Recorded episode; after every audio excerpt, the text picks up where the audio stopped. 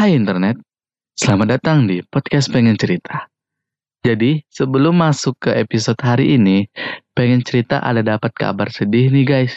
Di mana salah satu mahasiswi UIN Suskariau yang bernama Nila Nirwanda, jurusan ilmu komunikasi, angkatan 2016.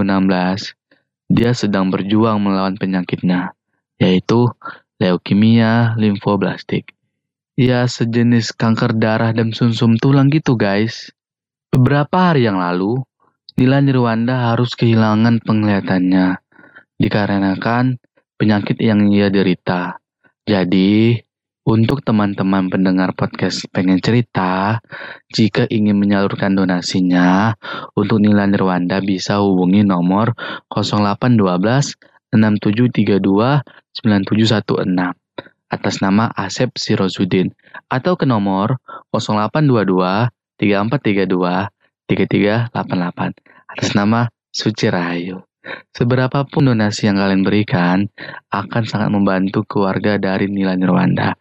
Dan semoga Nila Nirwanda cepat sembuh dari penyakitnya. Amin.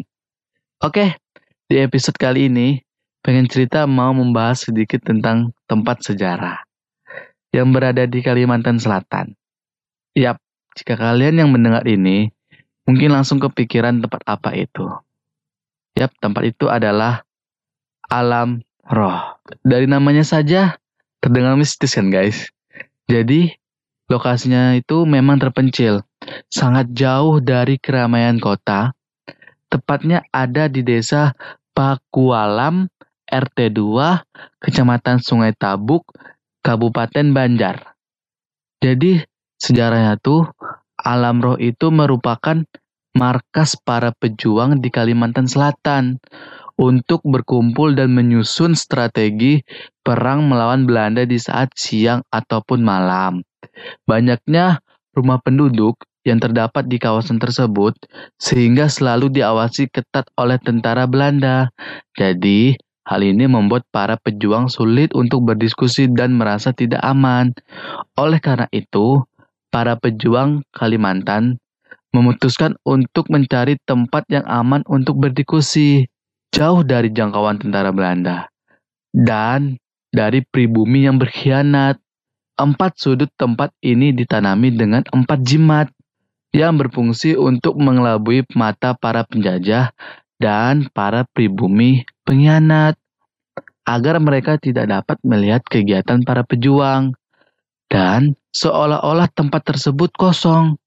Jadi, alam roh itu tidak bisa dilihat oleh tentara Belanda dan pribumi yang berkhianat. Jadi, jika mereka masuk ke dalam hutan tersebut, mereka tidak akan bisa keluar dengan selamat. Tapi, mayat mereka tidak akan dikuburkan dengan secara terhormat, tetapi langsung dibuang ke sungai. Jadi, sang pemimpin Brigadir Jenderal Haji Hasan Basri lah yang melakukan pemagaran empat sudut. Jadi di hutan tempat para pejuang bersembunyi. Jadi Jenderal Haji Hasan Basri lah yang membuat uh, tempat itu menjadi tidak terlihat. Alasan mereka memilih hutan di desa Pakualam untuk dijadikan markas yang sekarang dikenal dengan nama Alam Roh. Karena hutan tersebut dipenuhi banyak pohon-pohon dan semak belukar sehingga tidak memungkinkan bagi warga setempat untuk menemukan markas tersebut. Untuk memperketat keamanan, para pejuang meminta alam roh diberi jambi-jambi dari para ulama kota Martapura. Konon, masing-masing pejuang memiliki kekuatan gaib. Salah satu pejuang yang berkekuatan gaib menulisi badannya dengan cairan kapur. Efeknya yang didapat ialah Bagian badan yang ditulisi cairan kapur akan kebal terhadap serangan penjajah. Wih, keren juga ya. Tapi sekarang alam roh dikenal juga dengan nama Monumen Ari Divisi 4. Merupakan salah satu kawasan cagar budaya yang terdaftar di Kementerian Pendidikan dan Kebudayaan Republik Indonesia. Sebagai kawasan cagar budaya, tempat ini dilindungi oleh undang-undang atas jasanya di masa lalu sebagai markas perjuang kemerdekaan Kalimantan Selatan. Jadi, selain monumen, terdapat juga sebuah rumah adat Banjar Bubungan Tinggi yang difungsikan sebagai pos penjaga di Museum Mini tentang sejarah pejuang para pahlawan itu. Ya areanya kecil pun dengan monumennya. Di bagian tengah ada prasasti kecil yang di atasnya ditancapi tiang bendera dengan sehelai bendera merah putih.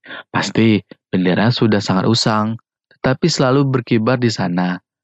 Prasasti itu menerangkan tentang peresmian tempat ini oleh pemerintahan Provinsi Kalimantan Selatan pada tanggal 16 Mei tahun 1983. Di bagian kirinya, ada monumen yang menerangkan pernyataan warga Kalimantan Selatan untuk bergabung dengan Negara Kesatuan Republik Indonesia pada tanggal 17 Mei 1949. Nah, gitu guys. Jadi eh, tentang kisah alam roh yang berada di Kalimantan Selatan yang berfungsi sebagai tempat persembunyiannya para pejuang dari Kalimantan Selatan agar tidak diketahui oleh para penjajah dan para pengkhianat pribumi. Oke, jika kalian suka cerita seperti ini, bisa share ke sosial media kalian dan terima kasih.